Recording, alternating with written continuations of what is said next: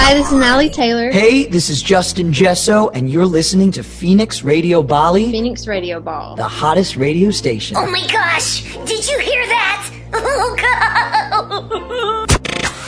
The hottest radio station in Bali. Bali. Phoenix Radio. Hi. Hi, How are you? I'm good. How are you? I'm good. Thanks for I'm having me. Rachel. Yeah, I'm Rachel from Phoenix Radio Bali. Oh, cool. Nice to meet you. Nice to meet you. How are you doing there? Good. I mean, better now. But it, like, I mean, there's a lot going on. Don't get me wrong. But um, yeah, as far as quarantine everything goes, it's it's a lot better than it was. So Okay, so now everybody already like maybe you already know what to do during the quarantine and just go with it. yeah, I know, right? I'm like prepared. Um, yeah, we and I, I was always say like we have a three year old, a toddler, so it was that was probably the most challenging is like not being able to take her anywhere. You know. yeah. they're crazy. So, but now it's a little better and we can go places again. so Finally. yeah. Oh Okay then. Okay, before we start, just want to let you know that your song right now, "Surrender," it's become the, a huge hit in Bali. That's like amazing. right now, your song is in two charts, like our big charts, as Oh number one, as number one, as the most requested, and also as the most happening single in Bali. Woo! That's amazing. That's Thank you so amazing. Yes, congratulations, and also congratulations for your million streams on Spotify. Thank you. Yes, it's just it's like mind boggling. just like, oh my gosh, this is crazy. It's awesome. Like, thank you so much. Yeah, have you ever imagined that, that this day will come? I mean, no. like I always say like Surrender's always been a special song, but like, you know, it's kind of organically grown and this and that, but it's never it's like this is a whole new level obviously. So, I could not have imagined it happen this way. okay, so the song Surrender, published in 2015. Wow, it's like five years ago. Yes. And right now, everybody know your song in the beginning of the 2020 because of TikTok. Yes. What is like, what was your first reaction when you found out like, oh my god, my song now is viral everywhere? No, well, you hear about things going viral, and you're like, "Oh, that's wild," you know. Um, I didn't even honestly know a lot about TikTok at the time, and I was like, I didn't." I have. I I had recently just uploaded that to TikTok, and we noticed like a spike and and everything, and we were like, I was like, let me just check TikTok, and sure enough, like the. Vi- I mean, I was like, okay, whoa, like this is happening right now.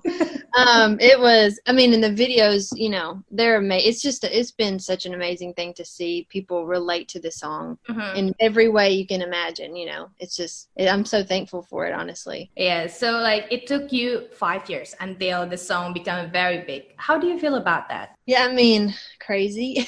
Just- I mean, just thankful because it's always been special to my husband and I, um, and for people to be able to experience that in their own way is it's it just means a lot to both of us. So okay. yeah, So this is kind of a special song for you. Yeah. I mean, it's about us, so it's truth. You know, it's like a real song Mhm. that we had to write five years ago, and so it's been cool to see people interpret it the, in their own way. You know.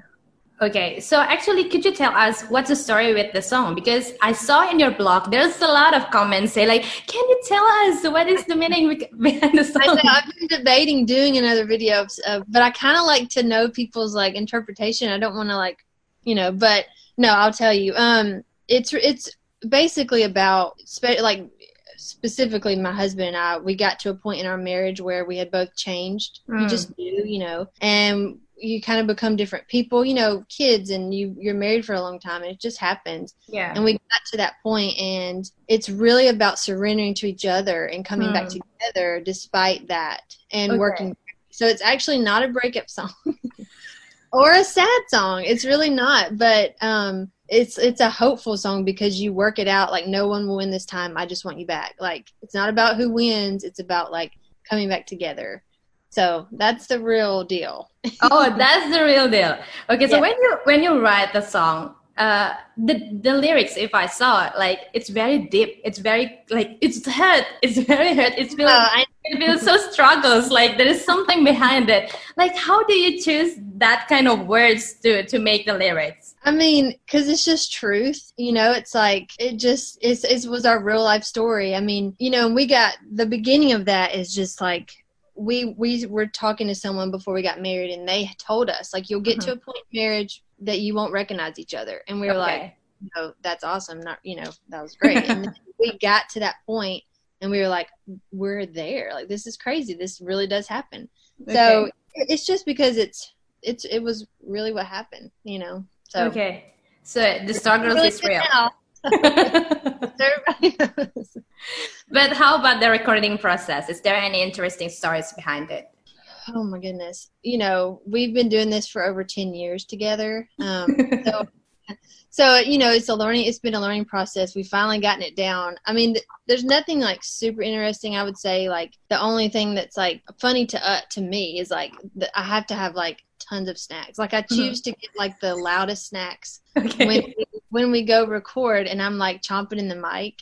he's like, I know he's so annoyed, but I just happen to be really hungry like every time we go to record. So that's that's really it. That's probably the most annoying thing, but I don't know if it's really. I think it's funny, but it's fine.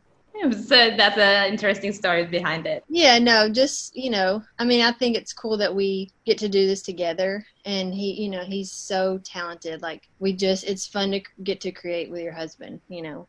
Yeah.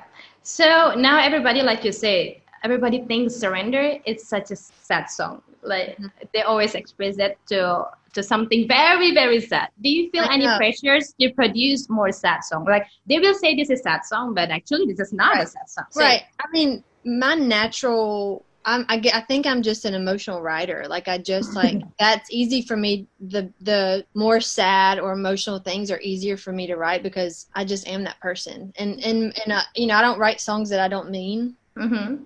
So I don't feel pressure because it's like what I do. um, if you listen to my other songs, you'll kind of see. so, um, but yeah, it just kind of comes naturally, and yeah, so it's just kind of what I do. So for the next project, it will be another sad song like surrender or There's some in the making that are. I mean, maybe not. I don't know. I mean, probably. Let me let's be honest. But I mean, do I would I love to want? I mean, I'm not like sold to that, but would I love to like do a fun pop song? I don't know. That's why like the remix was so fun to do because it was like, oh, this is really cool. yeah. Um, but at the heart of who I am, I'm just I write kind of sad songs. You know, like that's just what I do. So I'm sure you will see more. well, actually, we Sorry cannot wait to see. tears, everybody. I'm I Okay. literally like, not trying to make anybody like sob, but it just happens. Well, it just happens anyway. But that's make you big. Like now, surrender is the whole wide worldwide. They know that song. oh, it's so crazy. Like I just can't wrap my head around it to this day. I'm just like, this is the messages that I get alone are just like, you know, everybody's like, it's changed my life. I mean, you know, it's changed my life. I'm, it's saved my life. Like just dramatic, like, but it actually has changed my life too. Mm. So it's like i need i want them to know that it's just like this is life changing for me and it's like the support means everything so So yeah, I think that's uh, what what we can say like content, contagious, contagious to other people. Like when you feel the struggles, they feel the struggles, but and then they got relief again, get back again, back Right. into their feet, and it's amazing. So if you could mention one person in your life that inspires you a lot, especially in your career, who could it be? Well i know this is cheesy but it would have to be my husband. Like he truly is just like you know he's like everything. I mean he is i could not do this without him. Like we've worked Yeah. together we've worked hard together for over 10 years like i said and you know he is the hardest worker i know and i mean he's just literally he, he hates when i say this but i like i always i'm like you're a genius. Like how'd you think of that? Like one you know. But he really does like inspire me to keep going you know and just work hard and keep writing and being creative so So that's your husband then.